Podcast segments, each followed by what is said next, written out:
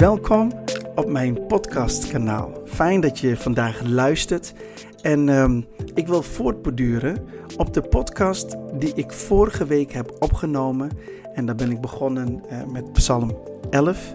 En mocht je die podcast nog niet hebben beluisterd, doe dat dan nog even. Mocht je daar geen tijd voor hebben, dan, dan kun je deze podcast prima volgen. Maar dan heb je gewoon even iets meer context. Ik lees daar namelijk vanuit 1 Samuel hoofdstuk 18 vers 8 tot en met 19 vers 7. Dat ga ik eh, vandaag niet doen, want ik ga gewoon verder waar ik eh, gebleven ben. En dat is bij Psalm 11 vers 2. En we gaan op dat vers gaan we echt even inzoomen. En even beginnen met de titel. Want de titel is Reden onbekend. En als subtitel, hoe ben ik in deze strijd terechtgekomen? Als je al een tijdje leeft en al een tijdje met God wandelt, heb je dat gevoel misschien best wel eens gehad van dat je in een geestelijke strijd verwikkeld bent geraakt, waarin je eigenlijk afvraagt: hoe ben ik hierin terechtgekomen? Dit was totaal niet mijn intentie. Uh, volgens mij heb ik ook niks verkeerds gedaan. Hoe dan? En toch heb je het gevoel dat, uh, ja, dat je het mikpunt bent. Dat, uh, dat er op jou wordt geschoten. En ja, dat ze proberen om je het leven toch een beetje zuur te maken. En daar wil ik het eigenlijk over hebben. Want David die vertelt er eigenlijk ook over. En in mijn voorbereiding, weet je, als je in het woord van God bezig bent. En als ik zo aan het lezen ben en de teksten erbij zoek ja, dan kan ik soms helemaal verdwalen in het woord. Met andere woorden, dan ontdek ik iets en dan denk ik, oh ja, waar staat die ene tekst van die past daar goed bij? En dan ben ik dat aan het lezen en dan vind ik weer wat anders. En voordat je het weet ben ik voor mezelf natuurlijk wel gewoon hele mooie dingen aan het ontdekken. Maar het moet natuurlijk wel een beetje structuur hebben en een beetje vorm hebben als je een podcast wil, uh, wil opnemen. En waar jullie dus ook wat aan hebben. Dus ik wil je eigenlijk van tevoren even zeggen Um, aan de ene kant wil ik de diepte in en aan de andere kant wil ik ook dat het simpel en eenvoudig is. En die twee kunnen heel goed samengaan, maar soms is het best lastig om dat goed te verwoorden. Dus uh, als je in de auto zit um, en je moet af en toe even op het verkeer letten. En dan kan ik best voorstellen dat je even niet gefocust bent. Maar mocht je een rustige plek hebben gevonden, waar je de Bijbel bij kan openslaan, misschien met pen en papier, Misschien is het best wel goed om eens gewoon wat aantekeningen te maken. En dat je voor jezelf gewoon verder gaat onderzoeken of doorstuderen. Of, uh, wat je, of naar aanleiding van wat je hier vandaag hoort. Hoeft helemaal niet. Je mag ook gewoon lekker relaxed achterover zitten. En dat je gewoon luistert. Psalm 11, vers 2. Uh, nou, we hebben het gehad over David, hè, die de toevlucht heeft genomen tot de Heer. En dan zegt hij in vers 2: Want zie, de goddelozen spannen de boog. Zij leggen hun pijlen op de pees om in het donker te schieten op de oprechte van hart. Nou, ik weet niet hoe het bij jullie is, maar als je dit gewoon zo als een vers dat op zichzelf staat leest, dan denk je, nou, nou het zal wel. Weet je, wat, wat moet ik hiermee? Wat, wat kan ik hiermee? Maar als je het in de context van 1 Samuel gaat lezen, hoofdstuk 18, hè, waar ik het net over had. En is gaat onderzoeken, wat betekent dat nou allemaal? Bijvoorbeeld um, de boog of de goddelozen. Hè? Wie, zijn dat dan? En die gaan in het donker schieten. Ja, uh, hoe dan? Hoe moet ik dat interpreteren? Nou, daar wil ik het over hebben. Maar ik wil niet eerder beginnen dan de gedachte bij jou neer te leggen en een waarheid dat God beschermt. Ik heb het ook heel specifiek tegen jou, tegen jullie, die in een strijd verwikkeld zijn. In een geestelijke strijd, dat soms die natuurlijke uitingen heeft. Maar als je bij God gaat schuilen, niet vergeten, God beschermt. Amen. Oké, dus dat is de hoofdgedachte, dat is de grondgedachte, dat is het fundament. En nou, zoals ik al zei, vers 2. Um, ehm, de goddelozen Spannende boog, zegt David. En wat zegt Gods woord nou over de goddelozen? Waar herken je hun aan? Wat is hun aard? Kijk, als jij het woord hoort goddeloos, dan denk je, nou ja, goddeloos zonder God. Maar misschien is het goed om eens te kijken, wat is nou hun aard? Wie zijn dat nou? Nou, en als we heel even naar Psalm 10 gaan. En ik lees dan vanuit het boek. En dan lees ik vanuit vers 2 tot en met 4. En dan staat het volgende. Vol hoogmoed achtervolgt, komt hij, de goddeloze, de armen. Hij laat het kwaad dat zij hebben bedacht, toch op deze, nee, laat het kwaad dat zij hebben bedacht, toch op deze mensen zelf neerkomen. Want mensen die u afwijzen, pochen over alles wat zij willen en kunnen. Zij wensen de hebzuchtige geluk, maar de Heere verachten zij. Deze mensen, hooghartig en trots als zij zijn, denken hè, dat er geen God is die rekenschap vraagt. In hun leven is helemaal geen plaats voor Hem. Er is geen plaats voor God. Dus dit is best wel een, een, dit zijn versen waarin wij kunnen filteren hoe zo'n goddeloze eigenlijk eruit ziet, wat hun profiel is. Nou, het kan zelfs zo zijn dat als je deze versen zo hoort, dat je misschien wel aan bepaalde mensen denkt die zo leven. Dat kan. Maar mag ik je helpen herinneren dat, dat Paulus zegt: Wij hebben niet te worstelen tegen bloed en vlees, maar tegen de overheden, tegen de machten, tegen de wereldbeheersers deze duisternis, tegen de boze geesten in de hemelse gewesten. Even onthouden. Kom maar, even, onthouden nu het volgende. Jouw strijd is een geestelijke strijd. Daarom is jouw tegenstander een geestelijke tegenstander. En ondanks dat kun je in het natuurlijke mensen of omstandigheden tegenkomen die, ervan, die ervaren worden als tegenstanders. Snap je wat ik bedoel te zeggen? Dus je, het is een geestelijke strijd. Je hebt geestelijke tegenstanders. En toch kan het zo zijn dat je in je dagelijks leven mensen tegenkomt dat je zegt, ja, dat zijn dus de tegenstanders. Dat kan. Maar, maar Paulus zegt, maar wij hebben niet te worstelen tegen bloed en vlees. Oké, zoek je bescherming bij God. En ja, mensen die je gewoon kent, kan zelfs binnen je eigen familiekring zijn. Man, die worden ervaren, die ervaar je als vijanden. Dat kan hè. Ik, ik hoop dat je voelt wat ik zeg. Maar we hebben niet te strijden tegen bloed en vlees. Nou, ik had net gezegd van hoe ziet zo'n goddeloze er nou uit? Wat is nou het profiel of het karakter daarvan? Nou, we hebben net Psalm 10 gelezen, maar ik ga gewoon even op een rijtje zetten wat Gods woord zegt over een goddeloze. Nou, hier komt het profiel. Een goddeloze is hoogmoedig. Hun slachtoffers zijn kwetsbaar, een arme. Dus ze, ze zoeken ook echt hun slachtoffers uit. Ze bedenken kwaad. Ze wijzen God af. Ze pochen. Pochen betekent ook onder andere luidruchtig opscheppen. Ze supporten hebzucht. Ze ondersteunen hebzucht. Mensen die hebzuchtig zijn zeggen: hé, hey, hartstikke goed man. Ze verachten de Heer, oftewel, ze beschouwen God minderwaardig. Daar heb je niet zoveel aan. Aan God heb je niet zoveel. Ze zijn hooghartig en ze zijn trots. Ze denken dat er geen God is waar ze verantwoording moeten afleggen. En in hun leven is gewoon geen plaats voor God. Wauw, wat een profiel hè. Dit is wat Gods woord zegt over een goddeloze. En weet je, er wordt nog veel meer gezegd over een goddeloze. Weet je, als je het Oude Testament, als je dat openslaat en je gaat zoeken op het woord goddeloze, dan komt dat woord meer dan 250 keer voor. Nou, en als je al die teksten naast elkaar gaat leggen, dan, dan kun je een nog groter profiel maken van een goddeloze. Maar volgens mij zijn deze punten, oh, raakt best wel de kern. En dat is dan je tegenstander die helemaal nergens rekening mee houdt. Een tegenstander met dit profiel is best indrukwekkend hoor. En David zegt: de goddelozen spannen de boog. Oftewel, ze spannen de boog, maar deze tegenstander, die gaat ook echt schieten. Die gaat niet alleen dreigen, die gaat echt schieten. Want de goddeloze houdt echt met niets en niemand rekening. Ook niet met God. Maar David besloot om bij God te schuilen. Ken je dat gevoel?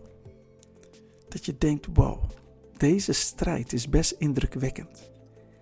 En dat je het gevoel hebt dat met de strijd waar je nu in verwikkeld zit, is niet alleen een dreiging. Nee, deze tegenstander die gaat echt schieten, want die houdt met niets en niemand rekening. Niet met mij, niet met de anderen en ook niet met God. En David, die zit in die situatie.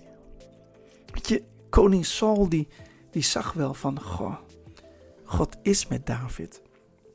Maar toch geprobeerd om hem te doden. De gezalfde van God gewoon proberen om te doden. Wauw. Maar David besloot om bij God te schuilen. En dat moet jij vandaag ook doen. Weet je, dit moeten wij vandaag doen. God is onze schuilplaats. Maar ja, waarom en hoe ben je in deze strijd terechtgekomen? Reden? Onbekend. Oké, ik wil nog een ander punt met jullie delen. Maar als de goddeloze zijn boog gespannen heeft, wat kunnen wij dan als kinderen Gods, wat kunnen wij dan doen? Weet je wat wij moeten doen? Wij moeten echt weten, we moeten er diep van doordrongen worden en ervan doordrongen raken dat God groter is dan de goddeloze. God is groter dan jouw indrukwekkende tegenstander. Hoe indrukwekkend jouw tegenstander of jouw strijd ook is. God is indrukwekkender. Amen. God is groter, hè? Hij die in jou woont is groter dan die in de wereld is. En ja, jouw ziel, dus jouw verstand en jouw wil en jouw emotie, die geven misschien allemaal andere signalen af. Dat je je een beetje ongemakkelijk voelt in je hart. Dat je denkt, ik, ik, ik wil niet in deze situatie zitten. Ik, ik heb er ook niet voor gekozen. Waarom nou? Dat is precies wat David zegt. Ik, ik, hoe? Waarom? Wat is de reden? Ik heb niks gedaan. Ik heb niks misdaan. Ik, heb, ik, ik weet het niet. Ik snap het niet. Reden? Onbekend. In Gods woord lezen we dat Hij hoe God dus met de, met de goddeloze omgaat. Hè, dat hij, en dat is God, de arm van de goddeloze breekt. Dat lezen we bijvoorbeeld in Psalm 37, vers 17. En dat hij de goddeloze zal uitroeien, zegt de Bijbel zelfs. Wow. Psalm 37, vers 34, daar kan je het vinden. Of, deze is heftig, dat de vloek des Heren op het huis van de goddeloze is. Spreuken 3, vers 33 zegt dat. Nou, je zou kunnen zeggen, nou, wat, wat heftig allemaal. Moet, moet dat nou? maar we moeten beseffen dat de strijd echt is. Als je God als tegenstander hebt, dan heb je echt een probleem. In Psalm 11, vers 5 en 6, daar staat dat God degene haat die van geweld houdt. En hij laat vurige kolen en zwavel regenen op de goddelozen. God laat niet met zich spotten. God laat niet met zich spotten. En jij gaat bij God schuilen. Je bent veilig bij God, hoe indrukwekkend jouw tegenstander ook is. Ga, ga, ga schuilen bij God. Ga weer oprecht in gebed. En ook al ben je na het bidden, ben je misschien nog niet helemaal rustig, maar ik weet dat God je die rust wilt geven. Maar soms kan dat, hè? dat je nog even, dat je ziel nog een beetje naspartelt met emoties. Maar laten we de vrede van God, die, die ons verstand te boven gaat, laten we die gaan ontvangen en zeggen, Heer, ondanks al deze indrukwekkende tegenstanders, dank u wel voor uw vrede. Ik schuil bij u. En nogmaals, God laat niet met zich spotten. De mens en de goddeloze moet niet denken dat ze gewoon met God kunnen spelen en dat ze daarmee wegkomen. No way. Kun je je nog herinneren, mocht je de vorige podcast hebben geluisterd? Want daar heb ik gezegd in die vorige podcast. Um, daar heb ik gelezen uit Psalm 97, vers 5. Want er staat: Als de Heere verschijnt, smelten de bergen als was voor hem. Hij is Heer over de hele aarde. Weet je dat nog? Nou, weet je, in het bestuderen van Gods woord kwam ik nog iets moois tegen. Want in Psalm 68 vinden we een soortgelijke tekst, maar nu smelten niet de bergen, maar de goddelozen voor Gods aangezicht. In Psalm 68, vanuit het boek, beginnend bij vers 2, staat het volgende. God staat op, zijn vijanden worden verstrooid, zijn haters vluchten voor zijn aangezicht. Gelijk rook verdreven wordt, verdrijft gij hen. Gelijk was smelt voor het vuur, let op, zo vergaan de goddelozen voor Gods aangezicht. Wauw. Zo vergaan de goddelozen voor Gods aangezicht. Dus hoe indrukwekkend de tegenstander ook is, ook al heeft de goddeloze zijn boog gespannen en op jou gericht, schuil bij God. Want als God zijn aangezicht laat zien, als God komt, als zijn tegenwoordigheid manifest wordt, dan vergaan zelfs de goddelozen. De goddelozen denken dat ze heel wat zijn, maar dat zijn ze niet. Even nogmaals, hè, als ik zeg goddelozen, dan, nogmaals, dan, dan kan ik me voorstellen dat je misschien aan, letterlijk aan een tegenstander denkt van, van vlees en bloed. Maar ik heb het eigenlijk constant over die geestelijke strijd. Die geestelijke strijd. En ja, de tegenstander kan zich manifesteren in het natuurlijke. I know, I know, I know. Maar ik heb het over de geestelijke strijd. Oké. Schuilen bij God. Hoe ben je ook alweer in die strijd terechtgekomen? Reden onbekend. Daar gaat het vandaag over. Een ander punt. Laten we nog even inzoomen op de gespannen boog en de pijlen op de pees. Hoe moeten we dit wapen in de context van vandaag interpreteren? Nou, de pijlen die met een boog op ons worden afgeschoten, zijn vandaag de dag de woorden die op ons worden afgeschoten. De woorden die de mensen naar ons uiten. De woorden die de mensen in geheim over ons spreken. De woorden die tijdens roddel worden gezegd. Hm. Dat is nogal wat, hè? Maar dan wordt wel tegelijk concreter, denk ik. Hè? Die gespannen boog en die pijlen op de pees zijn de woorden die onze tegenstanders uitspreken. Oké, heel even terug naar David, naar Psalm 11. Kijk, David is angstig, maar hij schuilt bij God. En David is zich bewust dat de pijlen van de tegenstander op hem gericht zijn. Nou, als je dit weet, dan laat Psalm 120 een perfecte samenvatting zien. Laat me het even lezen. Ik lees vanuit het boek en ik begin uh, bij vers 1 van Psalm hoofdstuk 120.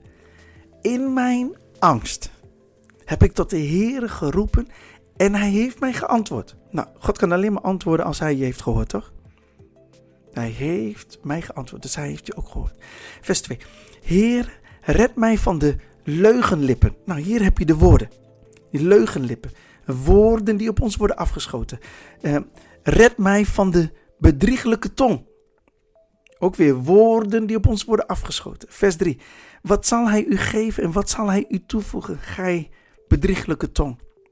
En vers 4. Gescherpte pijlen van een held.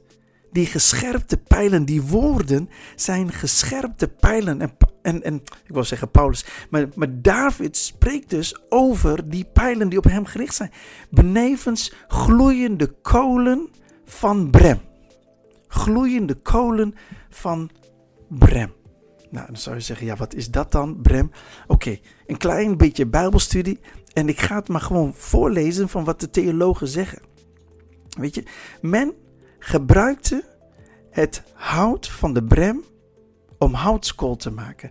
Het hout kon bijzonder fel branden en behield lange tijd zijn hitte. Die eigenschappen maakten het hout bij uitstek geschikt om te gebruiken voor brandende pijlen bij het belegeren van een stad. Er wordt ook over gezegd, pijlen waren namelijk niet alleen nuttig om mensen tegen te houden, maar waren met name bruikbaar in het belegeren van een stad.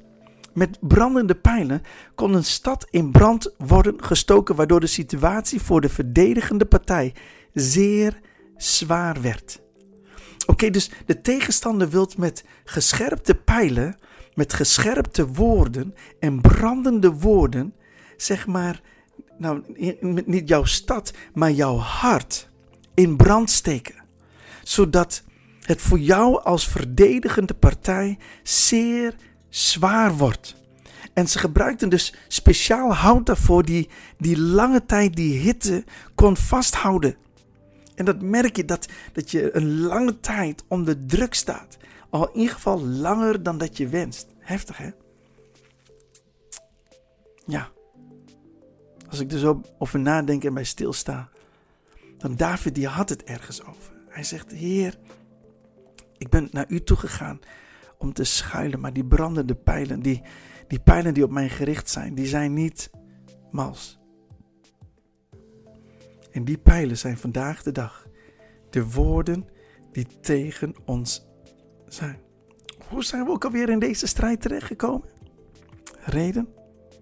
Ja, onbekend. Efesius hoofdstuk 6. Als je dan toch hebt over pijlen. Vers 16 vanuit de MBG. Neemt bij dit alles het schild des geloofs ter hand, waarmee gij al de brandende pijlen van de boze zult kunnen doven. Brandende pijlen. Die brandende pijlen, dat weten we nu, hè, is bedoeld om jou als verdedige partij het zeer zwaar te maken. Om jouw stad, om jouw hart in brand te zetten. Hm. Maar het schild des geloofs, daarmee kunnen wij die pijlen doven. En dat is niet op eigen kracht, maar door de kracht van Gods geest. Oké, okay? come on, laten we schuilen bij God. Oké, ik wil nog iets anders met jullie delen. Kijk, we beduren nog e- even verder op de woorden die op ons worden afgeschoten. Want Jacobus is hier heel duidelijk in. Hij spreekt namelijk over de zonde der tong. Jacobus 3, dat zijn twaalf versen. Maar ik ga ze toch allemaal even lezen. Er staat dit in vers 1. Laat niet zoveel uw leraars zijn, mijn broeders. Gij weet immers dat wij er des te strenger om geoordeeld zullen worden. Want wij struikelen allen in velelei opzicht. Die in zijn spreken, wie in zijn spreken niet struikelt, is een volmaakt man. In staat zelfs zijn gehele lichaam in toom te houden. Als wij paarden de toom in de bek leggen, zodat zij ons gehoorzamen, kunnen wij ook hun gehele lichaam besturen. Zie, ook de schepen, of schoon zij zo groot zijn en door sterke winden voortgedreven worden, worden door een zeer klein roer gestuurd, waarheen maar het believen van de stuurman wil. In vers 5. Zo is ook, komt die, de tong een klein lid en voert toch een hoge toon. Zie hoe weinig vuur een groot bos in brand steekt. Ook de tong is een vuur. Zij is de wereld der ongerechtigheid. De tong neemt haar plaats in onder onze leden als iets dat het gehele lichaam bezoedelt en het rad der geboorte in vlam zet, terwijl zij zelf in vlam gezet wordt, let op, door de hel. Vers 7.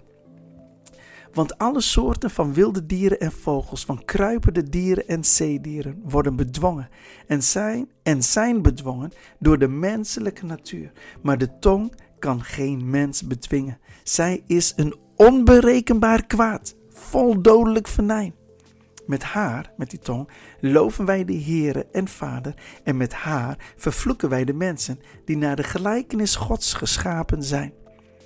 Uit dezelfde mond komt zegening en vervloeking voort.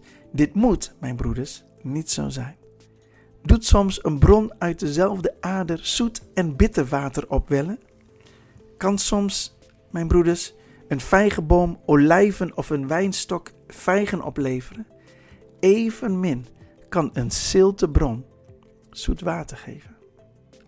Nou, weet je, om deze versen allemaal toe te lichten is een Bijbelstudie op zich, toch? Maar weet je nog dat we hebben gezegd dat we niet hebben te worstelen tegen bloed en vlees? Nee, onze tegenstanders zijn in de geest. Zij zijn onzichtbaar. Maar de strijd is reëel. En soms zo reëel dat we het ook ervaren in het natuurlijke. Maar een paar dingen die we moeten beseffen. Even een paar dingen. De pijlen waar David het in Psalm 11 over heeft, zijn de intimiderende of dodelijke woorden van vandaag. De tong is een vuur. En de tong is de wereld der ongerechtigheid. Weet je dat Jezus juist vanwege onze ongerechtigheden is verbrijzeld? Wauw. Dat staat in Jesaja 53, vers 5. De tong is een vuur en de tong is de wereld der ongerechtigheid. Het wordt het niet, het is het al. Gewoon om tot je door te laten dringen. Dit is iets om op, over te gaan mediteren. Wat is er aan de hand? Jacobus zegt: um, De tong is in vlam gezet door de hel. Wauw. De tong is een onberekenbaar kwaad. De tong zit vol dodelijk venijn. De tong vervloekt mensen die naar Gods evenbeeld zijn geschapen. Oké, dus dit is best heftig. Hè? Dus we zijn eigenlijk nog steeds bij die gespannen boog. En, en de pijlen op de pees, hè, daar heeft David het over. En die pijlen zijn vandaag de dag actief en reëel. In deze context hè, van, van, van, van het leven van David en in de context van Psalm 11 zijn de woorden de woorden zijn geestelijke wapens en demonisch gestuurd. Geestelijke wapens en demonisch gestuurd. Het zijn brandende pijlen die van de boze komen. Zie, die pijlen komen van de boze. Die pijl is een wapen, de boze is demonisch. Dus die woorden zijn geestelijke wapens, demonisch gestuurd. En dan vraag je je af, hoe ben ik in deze strijd terechtgekomen? Hoe dan?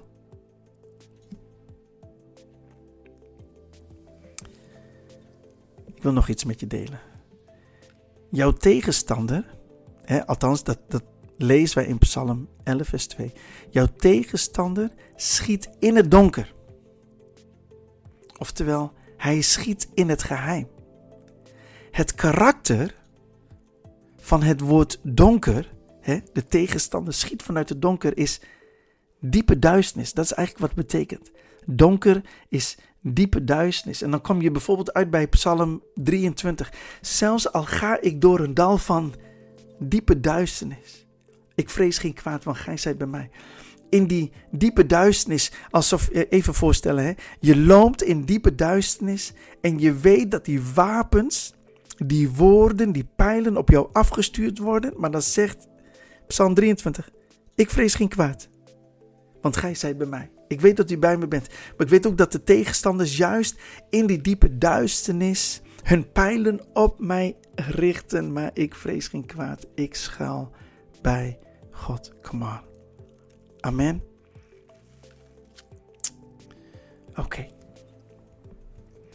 Psalm 10. Nog even, maar dan vanuit de NBG.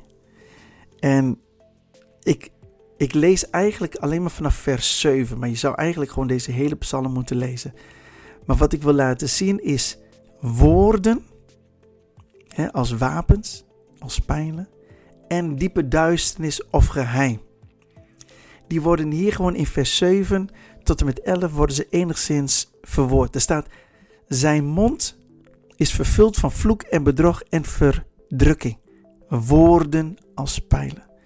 Onder zijn tong zijn ongerechtigheid en onheil, woorden als pijlen. In vers 8, hij ligt in hinderlaag. Hinderlaag zie ik als diepe duisternis of geheim. Hij ligt in hinderlaag bij de gehuchten. En er staat er, in het verborgene doodt hij de onschuldige. Verborgene, oftewel diepe duisternis en geheim. Zijn ogen bespieden de zwakke. Dus weet je, Die tegenstander zoekt echt gewoon zijn slachtoffers uit. Vers 9. Hij loert in het verborgene. Daar heb je het weer, die diepe duisternis en geheim. Hij loert in het verborgene als een leeuw. Nou, en, en, en er is een leeuw die gaat rond, zoekende. Wie hij kan verslinden. Hij zoekt, hij zoekt naar een prooi die hij makkelijk kan verslinden. Maar als wij gewapend zijn met het woord van God, nou, dan zijn wij meer dan overwinnaar. Hij, hij kan ons niet verslinden, want God is met ons en we hebben onze uh, uh, redding en onze hel en onze bescherming bij God gezocht en gevonden. Hij loert om de ellendige te vangen. Hij vangt de ellendige, hem trekkend in zijn net. Even tot zover. Alleen maar om te laten zien vanuit Gods woord wat die woorden als brandende pijlen doen en dat die worden afgeschoten in diepe duisternis en in het geheim. En daardoor kan je ook strijd ervaren terwijl je gewoon thuis alleen bent. Omdat in diepe duisternis en in het geheim worden woorden op jou gelanceerd waarvan je denkt, ik weet het niet, het voelt gewoon niet goed. Ik, ik weet niet of, of deze podcast echt tot je hart spreekt. Maar ik, ik hoop zo dat het je zegent. En dat het je helpt in je strijd. Want um, het gaat er niet om. Hoe, hoe moet ik het goed zeggen? Hè? Je weet überhaupt niet hoe je in deze strijd terecht bent gekomen. Het enige wat je wil is dat je uit deze strijd komt. Laat ik het even zo zeggen. En dat God je beschermt. Dat je ongeschonden uit deze strijd komt. Weet je, maar hoe God gaat dealen met deze situatie, dat, dat weet je soms niet. En laat het ook maar aan God over. Hij weet het beste wat we moeten doen. Nog even een puntje.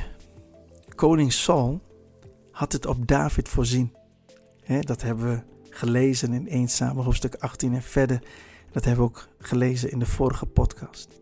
Maar, maar David was oprecht van hart. Daar komt ook een beetje mijn titel vandaan. Reden onbekend. Hoe ben ik in deze strijd gekomen? David was gewoon oprecht van hart.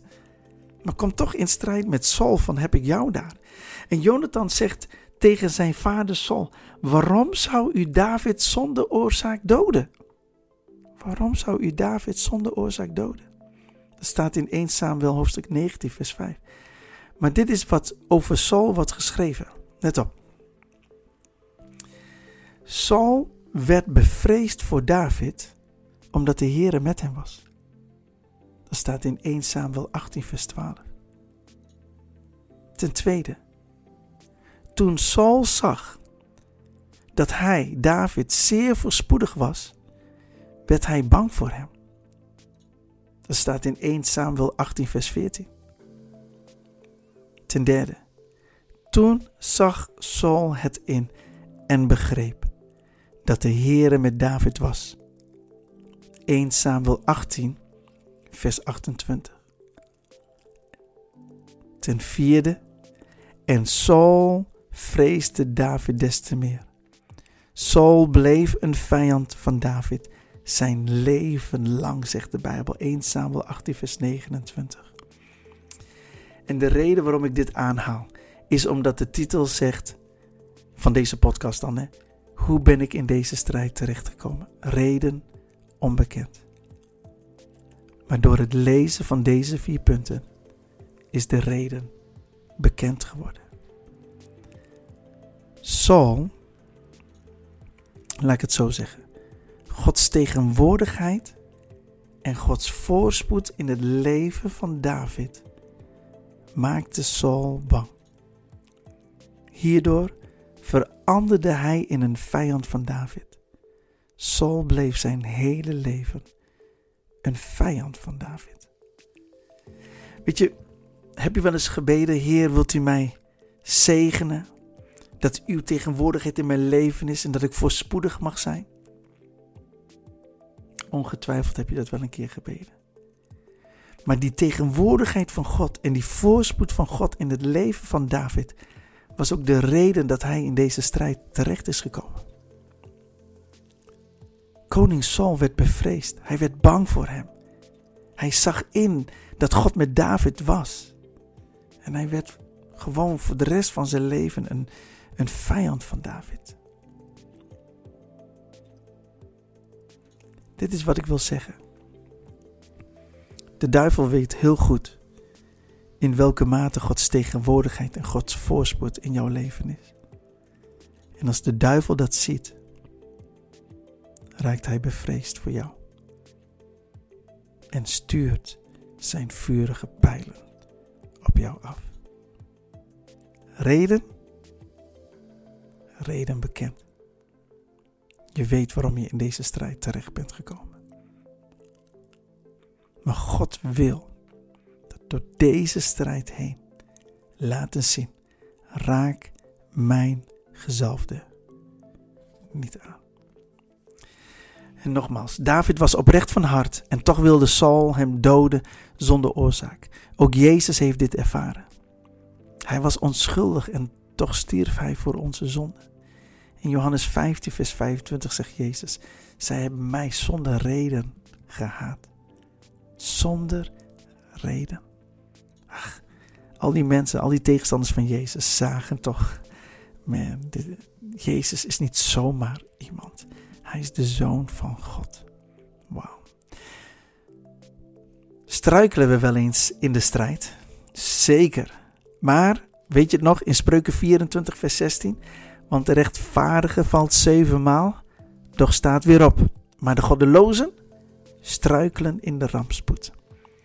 En in Psalm 73 lezen we gewoon een hele mooie conclusie gewoon überhaupt een conclusie voor het leven, maar ook van deze podcast. En er staat dit, Psalm 73 vanuit de Statenvertaling, vers 28.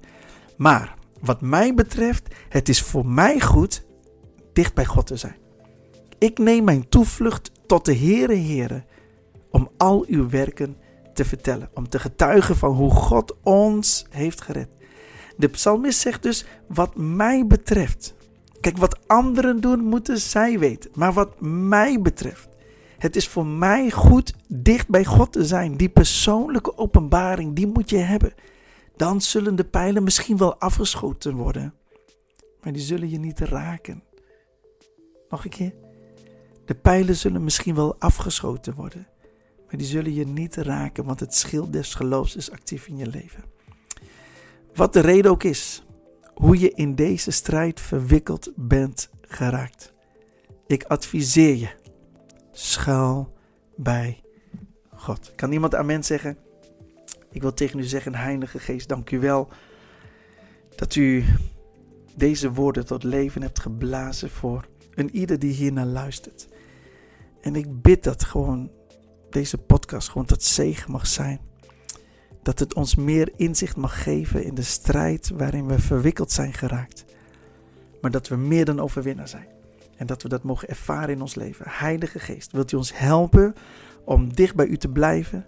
Om dicht bij het woord te blijven, om te bidden, om te vasten, om te geloven wat uw woord zegt. En uh, dat wij uh, ongeschonden uit de strijd mogen komen in Jezus' naam. Ik weet niet wat je vandaag nog gaat doen, maar ik, ik wens je gewoon een hele fijne dag toe. En misschien denk je, nou, dit woord, dit woord moet ook gewoon broeder A, zuster C of wie dan ook horen. Stuur het door, zodat we meer mensen mogen bemoedigen via deze podcast. En uh, ik wil je bedanken voor het luisteren. Wees gezegend in alles wat je doet en tot de volgende keer.